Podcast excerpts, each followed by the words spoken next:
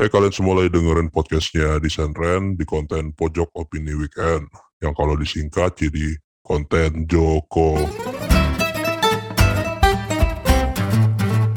Ya balik lagi kita di konten Pojok Opini Weekend. Jadi di episode kali ini uh, gue sendirian biasalah sih kita mau ngarepin apa sih sama Om Bas itu.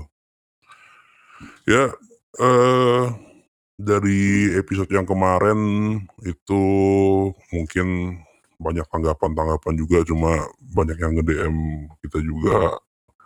Tapi yang uh, gua kagetnya itu adalah kemarin itu gue berekspektasi bakalan banyak yang butthurt gitu kan, bakal banyak yang tersinggung, tapi ternyata uh, opini mengenai grup UI UX yang menurut desainer itu nggak ada gunanya ternyata banyak juga sih yang mengamini itu jujur gue kaget sih karena uh, ya menurut gue itu sebuah opini yang cukup kontroversial karena beberapa orang juga mungkin ada yang menuhankan uh, grupnya ada yang menuhankan komunitasnya tapi uh, ternyata malah sebaliknya gitu. Banyak juga orang yang berpikir sama seperti desain Ren mungkin hal ini juga bisa menjadi satu uh, pelajaran ya bagi uh, entah kita sebutnya apa petinggi-petinggi kah atau uh, admin-admin dari komunitas-komunitas gitu bahwa eh ini loh ada ada sesuatu loh di sini. Tapi ya udahlah bebas lah. Terserah kalian mau ngomongnya kalian mau nganggapnya kayak gimana gitu. Kali ini hmm, mungkin gue bakal membahas sebuah topik. Gue nggak tahu ini menarik apa enggak ya karena ya balik lagi nih hanya uh, sedikit tai-tai yang ada dari kepala saya sendiri. Uh, tapi sebelum kita masuk ke topiknya sebenarnya ada satu hal sih yang uh, menurut saya pribadi sebagai seorang desainer itu yang memang patut untuk saya syukuri sebenarnya. Iya benar, saya sebagai seorang desainer itu sangat-sangat bersyukur uh, menjadi seorang desainer apa apalagi kalau misalnya uh, saya ngebandingin profesi yang saya jalankan sekarang ini sebagai seorang desainer, saya bandingin dengan uh, programmer misalnya atau saya uh, bandingin dengan uh, dokter atau misalnya fotografer atau koki, banyak lah pokoknya. Menurut gue banyak hal uh, yang patut disyukuri menjadi seorang desainer. Gini, uh, Gue ambil contoh misalnya menjadi seorang programmer.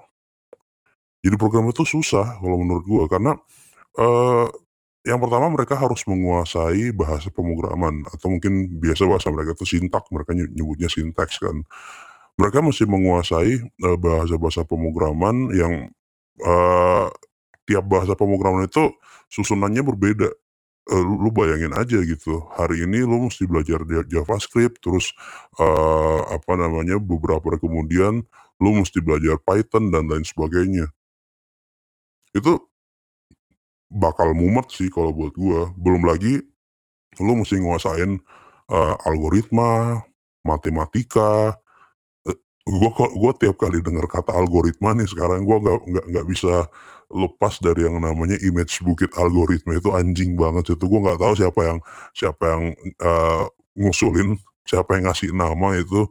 Uh, kayak di dalam sebuah meeting di dalam sebuah brainstorming yang gue juga nggak tahu apakah proses penamannya itu pakai uh, apa namanya sesi brainstorming atau enggak cuma kita anggap aja kalau ada ya. Jadi di sebuah sesi brainstormingnya itu si Om Budi ini mungkin kelihatan lagi mumet terus uh, ini ada yang punya usul nggak ya buat ngasih nama bukit uh, bukit impian kita? Terus ada bapak-bapak gitu yang dengan PD-nya angkat tangan saya pak bukit algoritma karena ya algoritma itu nggak jauh-jauh nggak nggak bakal jauh dari apa namanya yang internet internet kayak gitu. Ide bagus. Jadi bukit algoritma anjing. Itu Pais itu penamanya. Kan banyak gitu alternatif alternatif nama yang lain. Apa kayak misalnya uh, bukit apa ya? Nggak ya nggak tahu deh bodoh amat. Itu uh, apa namanya uh, kalau kita bandingin sama programmer misalnya terus uh, atau gua ambil contoh kalau misalnya kita bandingin dengan koki deh Jadi koki itu sebenarnya bukan cuma masak doang karena, eee, ada banyak aspek lagi yang harus mereka kuasai. Salah satunya adalah, eee, bagaimana caranya menyusun cost, eee, untuk memproduksi sebuah makanan atau menghitung porsi yang pas untuk, eee, apa namanya, se sepaket, eee, apa, eee, kita bilangnya apa ya, konsumen gitu. Itu juga mesti dikuasain oleh koki. Jadi banyak banget hitung-hitungannya. Sementara kalau kita menjadi seorang desainer, apa sih sebenarnya yang mau dipusingin? Ya, eee, sejauh ini hal yang paling banyak membuat desainer pusing itu kalau yang gua lihat adalah ya gimana caranya buat nyari software-software bajakan sih, software-software bagus yang bisa kita pakai buat bekerja dengan dalih, "Ya ini kan saya masih belajar, saya masih belum ada duit," dan lain lain lain sebagainya. Padahal kan masih banyak, eee, alternatif open source gitu kan. Cuma ya itulah enaknya menjadi seorang desainer. Terus, eee, gambar-gambar gimana? Ya apa sih susahnya gambar-gambar cuma geser-geser mouse gitu doang, klak-klik-klak-klik jadi. Ini apa apa resikonya menjadi seorang desainer itu apa gitu? Ya semua itu, eee, kita kita bakal bakal ngerasain, eee, hal-hal indah itu kalau misalnya kita menutup mata dari realita menjadi seorang desainer itu sebenarnya nggak nggak sampai di situ. Tapi yang menjadi permasalahan itu adalah, eee, orang tuh kebanyakan memang memahami seorang menjadi seorang desainer ya sampai di situ doang. Anjing lah memang. Tapi, eee ini juga, eee, tentang inspirasi gitu kan. Ya mungkin selain mencari, eee, apa namanya, mencari alternatif software-software bajakan gitu, desainer juga sering, eee, terkendala dengan yang namanya inspirasi sih. Makanya, eee, kita pasti tahu dengan website yang namanya Dribbble, website yang namanya, eee, DeviantArt, eee, gua nggak tahu apakah sekarang masih ada yang familiar nggak ya sama DeviantArt gitu. Itu udah zaman zaman tua banget sih itu. Eee, tapi masih ada sih kayaknya. Eee ya website-website kayak gitu tuh, eee, banyak dijadikan satu referensi lah, tempat referensi orang-orang, eee, ketika mereka mendapatkan ketemu dengan yang namanya writers eee, bukan writers block, eee, mmm, designer block. Desainer goblok. Ya, eee, ketika inspirasinya lagi lagi macet gitu kan, ya Dribbble itu salah satu alternatif gitu. Tapi sebenarnya kalau kita mau lihat lebih dalam, Dribbble itu kalau buat gue ya tempat yang seharusnya menjadi, eee, tempat kita nyari inspirasi itu makin lama kita buka inspirasinya makin hilang. Iya nggak sih? Gue yakin pasti banyak yang yang, eee, satu sa satu pendapat sama gue. Gini di Dribbble itu banyak banget, eee eee, alternatif atau contoh-contoh yang yang mungkin bisa kita gunakan sebagai, eee, apa namanya, sumber inspirasi gitu. Tapi, mmm, dari jumlahnya yang banyak itu juga sebenarnya itu yang menjadi, eee, salah satu penyebab makin lama kita buka itu inspirasi kita makin hilang gitu. Ya lu ya lu pahamlah gimana kalau misalnya lu sampai di ujung halaman, di paling bawah lu ngelihat Page Nation-nya, lu buka halaman 2, halaman 3, 4, 5, 6, sampai di halaman ke berapa gitu, anjing gua mau gambar apa nih sebenarnya? Ya itulah itulah tantangan-tantangan yang sebenarnya akan akan kita dapatin ketika ngedesain itu kita, eee, maknakan seperti yang kita tahu sekarang gitu. Ya desain desain is visual udah. Desain adalah, eee, sesuatu yang kita gambar. Banyak orang berpikiran seperti itu. Padahal nih kalau misalnya kita gue gue coba lihat contekan ya, gue coba lihat contekan dari, eee, Wikipedia. Sebenarnya defi definisi desain itu apa sih? Nah, menurut Wikipedia sebenarnya desain itu biasa diterjemahkan sebagai seni terapan, arsitektur, dan berbagai pencapaian kreatif lainnya. Dalam sebuah kalimat, kata desain itu bisa digunakan sebagai kata benda maupun kata kerja. Sebagai kata kerja misalnya, desain itu memiliki arti, eee, proses untuk membuat dan menciptakan objek baru. Dan sebagai kata benda, desain itu digunakan untuk menyebut hasil akhir dari sebuah proses kreatif. Tapi di sini, eee eee, itu ada lagi, baik itu berwujud sebuah rencana, proposal, atau benda nyata. Rencana, proposal, atau benda nyata gitu.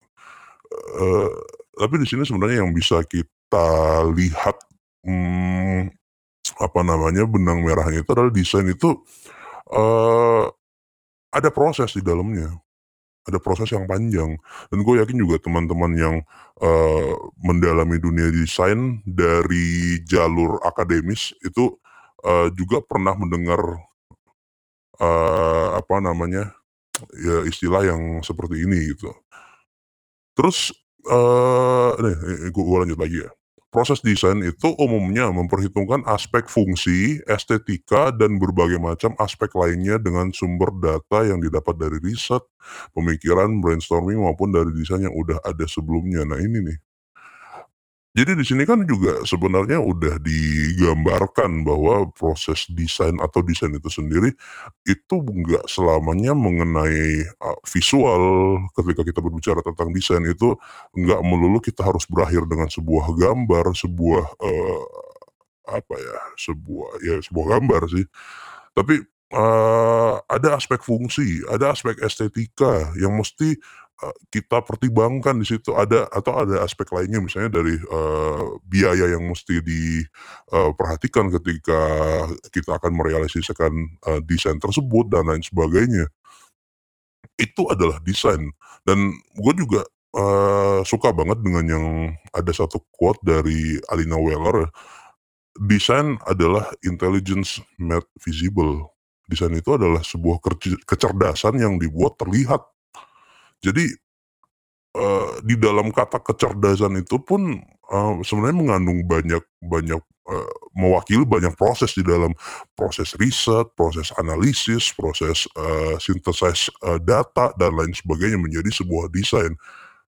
Kita pernah nggak sih kepikiran ini gue kasih contoh misalnya, pernah nggak sih kita kepikiran itu, mmm, misalnya kenapa sebuah gelas itu desainnya seperti itu, ada kupingnya gitu, kenapa nggak, eee, misalnya dengan alternatif-alternatif yang lain gitu ya, tentu tentu saja itu melalui proses yang yang cukup panjang sepertinya ya, itu. Cuma, eee, balik lagi, kalau yang terjadi di sekitar kita itu, desain-desain itu ya ketika kita berbicara tentang desain, eee, ya orang-orang akan berakhir langsung ke visual, solusi visual gitu. Ya it's okay it's okay ketika lo adalah seorang UI designer, tapi ini, eee, gua memba apa namanya, masih membahas, eee, secara general. Karena even secara general pun juga lu seorang desainer, yang pertama terlintas di kepala lu adalah, "Gua harus menguasai teknik menggambar." Makanya di awal tadi gue bilang, eee, kesulitan seorang desainer itu nggak terlalu banyak, karena mereka hanya hanya perlu merepotkan diri mereka untuk nyari, eee, software-software atau tools-tools desain yang bajakan yang bisa mereka pakai secara gratisan gitu. Selebihnya ya udah nggak ada. Lah itu terbukti loh dari beberapa coba lu lihat beberapa postingan-postingan, eee, yang berhubungan dengan desain atau postingan-postingan itu deh, eee, showcase orang lah. Pasti masih banyak loh orang yang yang, eee, pertanyaannya tuh cukup wadidaw kalau menurut gua. Yang di-posting adalah di eee, apa namanya, misalnya sebuah desain untuk bla bla bla, tapi yang ditanyain, "Ini tools-nya pakai apa?" Gua dulu yang yang yang, eee, awalnya dari kesel melihat itu, lama-lama gua jadi ini lucu juga sih sebenarnya. Gua kena karena kalau menurut gua, menertawakan sesuatu, menero menertawakan sebuah keanehan, itu adalah puncak dari, eee, ketidakmampuan, eee, apa namanya, sesuatu itu untuk diobati lagi gitu. Jadi ketika buat gua udah menertawakan pertanyaan-pertanyaan seperti itu, ya udah, ini bakal kayak gini terus, dan kalau mau menghabiskan energi untuk marah-marah ke sana juga kalau menurut gua ya udahlah, akan sangat menyenangkan kalau kita menertawakan itu aja sih.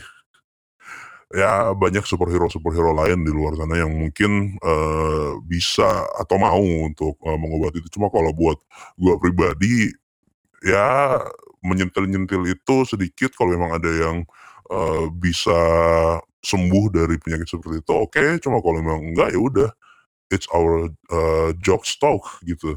Eee, tapi, eee, dari pemaknaan apa namanya, eee, desain tadi itu yang yang yang baru kita lihat dari Wikipedia dari dari Wikipedia aja loh, baru dari Wikipedia, itu kayaknya proses desain itu perjalanannya sangat-sangat panjang.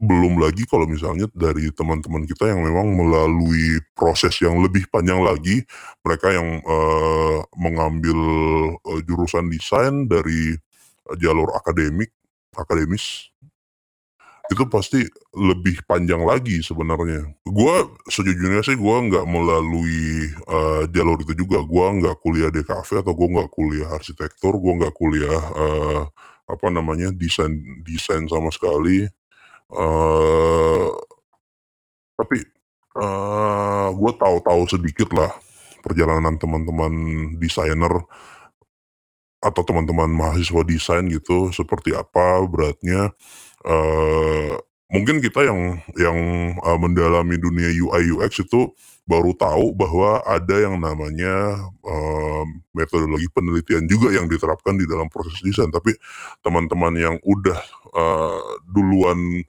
mengenyam pendidikan di bidang desain itu, mereka udah sangat-sangat paham di situ.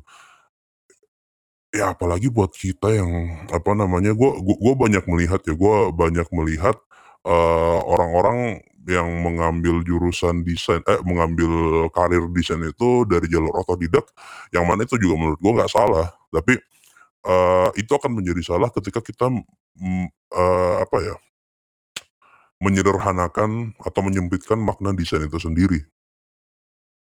Ketika ya itu menurut lu menurut menurut lu sendiri aja sih, itu kacau nggak sih?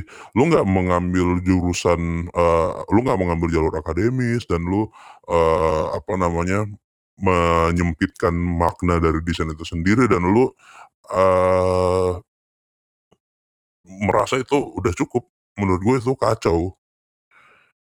Dan, eee, dari dulu tuh, eee, banyak banget ini ini juga pertanyaan-pertanyaan yang banyak banget dari masa ke masa itu sering ditanyain sama, eee, sama desainer ya. "Kenapa sih orang-orang nggak mau membayar desain saya sepe eee, dengan dengan sepadan?" Gitu.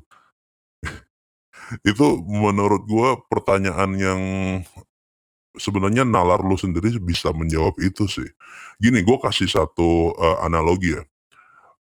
Lu nggak mungkin mau, eee, apa namanya, misalnya lu ke pasar nih, lu mau beli ikan di di pasar gitu kan, gua rasa lu nggak mau membeli seekor ikan seharga misalnya Rp200.000 per ekor, eee, meskipun si nelayan nelayannya itu bilang, "Pak, ini saya berangkatnya subuh, pulangnya malam, saya di tengah laut terombang-ambing, saya punya resiko, eee, bisa mati tenggelam dan lain sebagainya. Tolonglah hargai saya dengan ikan ini Anda beli seharga Rp200.000." Saya rasa Anda nggak mungkin, walaupun si, eee, nelayannya itu atau si penjualnya itu ngomong seperti itu mmm, langkah yang paling pertama Anda ambil adalah ya langkah seribu atau meninggalkan lapak itu gitu loh. Ya sama aja seperti desainer-desainer yang mempertanyakan hal itu. Kenapa sih orang nggak mau membayar kenapa sih, eee, orang, eee, maunya bayar ini dengan pulsa? Gini, yang pertama Anda itu terlalu banyak membaca, eee, artikel-artikel misalnya kayak yang kemarin Xiaomi membayar, eee, apa namanya, desainer dengan, eee, harga fantastis untuk mengubah logonya dari yang kotak menjadi semi rounded. Anda terlalu banyak membaca artikel seperti itu. Stop stop, berhentilah menjadi orang-orang yang terlalu termotivasi. Kembalilah ke realita, itu yang pertama. Terus yang kedua, kenapa orang-orang, eee, nggak mau membayar, eee, desain kalian dengan harga, eee, yang kalian tentukan? Coba tanyakan pada diri kalian sendiri, apakah, eee, standar kalian itu udah sesuai dengan yang kalian gambar gitu? Gambar loh bukan rancang ya, desain itu kan rancang kan, dengan dengan dengan yang kalian gambar gitu. Jangan sampai gara-gara Anda terlalu banyak membaca artikel-artikel seperti, eee, yang Xiaomi tadi, jadi Anda merasa, ya Anda juga worth it untuk dihargai kurang lebihlah, eee, marginnya hampir sama seperti itu. Men, enggak men. Orang itu, eee, sebenarnya akan cenderung lebih, eee, berniat untuk mengeluarkan duit lebih, ketika mereka tahu manfaat dari, eee, sesuatu yang akan mereka beli. Itu aja sih sebenarnya, sesimpel itu. Masalahnya, eee, banyak desainer yang nggak dibekali dengan kemampuan komunikasi. Gua, eee, banyak ketemu dengan desainer-desainer, eee gue juga banyak, apa namanya, kerja bareng, beberapa desainer gitu yang mau dari yang junior, senior, middle gitu. Dan satu masalah yang paling sering gue temuin adalah kemampuan mereka berkomunikasi.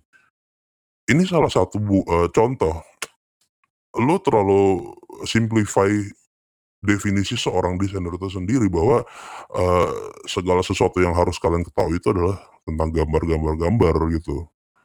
Ya, lu lu seorang desainer dan lu nggak bisa menjual, atau lu nggak bisa memberikan justifikasi atas apa yang lu desain, menurut gua lu nggak desainer banget, lu cuma tukang gambar gitu. Gue sering meng eee, menggunakan analoginya seperti ini nih, gue menganalogikan seorang desainer itu ibarat, eee, koki, dan seorang tukang gambar adalah seorang tukang masak. Yang mana seorang koki itu pasti tahu, eee, takaran garamnya kenapa, 2 sendok, kenapa bawang putihnya itu harus, eee, sekian siung, karena ya ya mereka tahu lebih dari takaran itu atau kurang dari takaran itu akan mempengaruhi rasa, akan mempengaruhi cita rasa dari, eee, masakan masakannya dia itu. Sementara kalau tukang masak, ya udah, kalau tukang masak, eee, as long as itu enak, ya itu adalah masakan gua. Nah, sama aja dengan dengan desainer seperti itu. Selama, eee, apa namanya, eee, desain gue itu terlihat enak, terlihat menyenangkan dan memuaskan klien, ya itu sudah. Banyak loh gue dapet gua te gua gua dapet yang seperti itu. Banyak desainer yang bilang, "Ya udah selama selama gue dibayar sama kliennya" "udah kliennya senang, gue juga senang," gitu. Masalahnya, eee, apa yang lu rancang itu berguna apa enggak? Umurnya panjang atau enggak? Gini loh, lu membuat seseorang membayar lu misalnya Rp10.000.000 untuk sebuah desain apakah desain lu itu bisa memberikan Rp10.000.000 Rp1? At least mengembalikan memberikan keuntungan Rp1 bagi si klien itu. Itu dulu yang perlu lu pertanyakan. Jangan sampai lu senang, klien lu juga senang dengan, eee, estetikanya itu, tapi 2 minggu kemudian udah mati, udah udah udah nggak ada impact-nya sama sekali. Itu banyak gua gua temuin seperti itu. Ya panjang sebenarnya, eee, apa namanya, perjalanan seorang desain. Gua gua sendiri pun juga kalau misalnya gua ingat-ingat, eee, gua memulai karir gua sebagai seorang desainer yang otodidak itu di usia 19 tahun kalau gua nggak salah. Di situ gua, eee, menjadi seorang graphic designer, eee, apa namanya, gua menjadi seorang graphic designer sampai hari ini tuh, eee, gua menjadi seorang ya berkecimpung di bidang produk lah gitu. Eee satu hal yang paling banyak, eee, membuat gua belajar, membuat gua menjadi kuat itu adalah gua banyak melakukan kesalahan dan gua tahu bahwa gua melakukan kesalahan. Tapi yang membuat gua belajar adalah, eee, mentalitas sih sebenarnya. Ya kita tahu, nggak semua orang itu bisa mentolerir kesalahan. Gue juga dari umur 19 itu ya bisa yang mana bisa bisa dibilang ya udah hampir, eee, lebih dari setengah umur gua, bahkan mungkin, eee, setengah umur gua itu, eee, ada banyak banget kesalahan yang gua lakukan dan gue sering kali kena semprot, kena maki oleh atasan gua, diomelin dan segala macem. Tapi mentalitas, eee, ya mungkin itu juga yang membedakan mentalitas seseorang sih. Mentalitas yang kuat itulah yang yang membuat lu, eee, pengen belajar gitu. Itu juga yang menjadi yang yang sebenarnya menjadi, eee, salah satu soul dari desainer adalah ya salah satu cara untuk, eee, menempa seseorang jangan berikan kasih sayang sih kalau gua. Lu berikan kasih sayang apalagi ke orang-orang orang, eee, orang-orang kita, orang-orang Indonesia ya. Kadang kalau kita terlalu banyak memberikan kasih sayang itu justru si orangnya itu akan, eee, terlena kalau menurut gua. Nah, eee, ini apa sih semua dari yang dari yang gua omongin anjing banyak banyak banget gua omongin tuh belum belum masuk ke topik utama loh. Jadi sebenarnya topik utama gua di sini yang mau gua bahas adalah, eee, case study kita itu sebagai seorang UI atau seorang UX designer monoton dan sangat-sangat membosankan. Tadi yang kayak gua bilang, gua sempat bahas, eee, soal dribble, gua sem ya, eee, lebih banyak sih tentang dribble sih sebenarnya. Eee kita bisa lihat banyak di situ orang orang-orang nge-post tentang apa namanya, eee, desainnya mereka, tentang, eee, case study case study dan lain sebagainya. Atau misalnya di grup-grup Facebook atau di grup-grup Telegram gitu kan. Ya hampir tiap hari lah, eee, satu salah satu sisi positifnya adalah, mmm, teman-teman di channel kita tuh sangat-sangat produktif. Ya hampir tiap hari kita menemukan ada, eee, case study case study yang baru gitu. Cuma, eee, ya gua tahu bahwa ini adalah proses pembelajaran. Tapi apa sih yang bisa kita pelajari dari situ sebenarnya? Eee, yang pertama gini, sebenarnya kalau kita punya ekosistem yang bagus ya, kita punya ekosistem yang bagus, kita punya kemampuan untuk memberikan feedback yang bagus gitu, eee, gua nggak gua sebenarnya nggak usah, eee, mengulang case study case study orang. Karena ya gua udah melihat feedback-feedback yang diberikan dari case study gua sebel orang sebelumnya itu ya itu juga akan menjadi pembelajaran buat gua, bukan cuma pembelajaran buat si kreatornya itu. Masalahnya kan, eee, sampai sekarang kita nggak punya ya udah mulai punya sih, kita udah mulai punya ekosistem yang saling memberikan feedback gitu, which is good kalau menurut gua. Eee, tapi yang kedua adalah case-nya tuh yang itu-itu aja sih. Kita banyak melihat, eee, sekarang tuh lagi ngetren tentang apa namanya, aplikasi smart home atau aplikasi kripto, eee, kalau sebelumnya itu tentang aplikasi ala-ala, eee, Red Howling gitu atau aplikasi e-commerce. Apa sih sebenarnya yang mau kita pelajarin dari situ? Kalau dalam eee, sebulan itu ada kalau misalnya dalam sehari ada 10 orang aja yang nge-posting kayak gitu ya dalam sebulan berarti ada 300 case study tentang e-commerce. Dan bagus kalau misalnya masing-masing case-nya itu, eee, berbeda. Cuma ini tentang home screen lagi, tentang, eee, apa namanya, tentang add to lagi, tentang login, malah, eee, yang pernah gua li yang sering gua lihat itu adalah tentang, eee, onboarding. Apa yang mau kita pelajari dari situ sebenarnya? Nggak menarik. Malah membosankan kalau kalau menurut gua sih itu sangat-sangat membosankan ya. Padahal kalau kita mau lihat dari aspek yang lain, kalau misalnya, eee, kita sama-sama setuju anggaplah kalau kita sama-sama setuju bahwa desain itu nggak sekedar, eee, estetik doang, tapi ada juga fungsi dan lain sebagainya di situ. Eee, pernah nggak sih misalnya, eee kita kepikiran untuk membuat sebuah case study untuk alternatif yang lain misalnya untuk health tech. Eee, ya banyak problem sebenarnya di dunia health tech itu tentang bagaimana sebuah rekam medis itu menjadi, eee, hak milik hak milik elu. Ini buat yang, eee, belum tahu sebenarnya rekam medis itu adalah, eee, kepunyaan elu, bukan kepunyaan siapa-siapa. Bahkan, eee, untuk, eee, sekelas dokter atau misalnya rumah sakit pun juga ketika mereka ingin membuka atau melihat rekam medis elu, mereka harus minta izin dulu sama lu. Nah sekarang gimana caranya lu ngedesain sebuah, eee, produk atau sebuah ekosistem yang lebih besar ya dari produk sebuah ekosistem atau sebuah desain deh, yang bisa, eee, nge-solve masalah itu misalnya. Atau, eee, kita lempar ke case yang lebih besar, gimana ngebuat, eee, sebuah aplikasi, eee, mobile banking atau aplikasi finansial gitu, yang mungkin ramah buat semua orang. Misalnya gua ambil contoh aplikasi finansial lah, aplikasi finansial yang membuat lu, eee, lebih bisa untuk nge-track pengeluaran lu. Karena kan memang sekarang udah banyak gitu aplikasi se serupa, tapi permasalahannya adalah kita mesti dituntut untuk rajin, eee, nginput apa namanya, pengeluaran-pengeluaran kita yang mana itu gua aja sering sering sering kecolongan gitu loh. Atau, eee, sebuah aplikasi berbasis analisis misalnya yang, eee, mana dari situ, dari setiap, eee, kegiatan, eee, financial lu, itu dia bisa menyimpulkan bahwa lu, eee, apa namanya, eee, boros atau lu, eee, pelit banget gitu dan memberikan advice-advice tentang keuangan gitu. Sebenarnya banyak banget sih, atau gini deh, pernah nggak sih, eee, kita kepikiran untuk ngebuat sebuah aplikasi yang ramah misalnya untuk orang buta warna, atau ramah untuk orang tuli.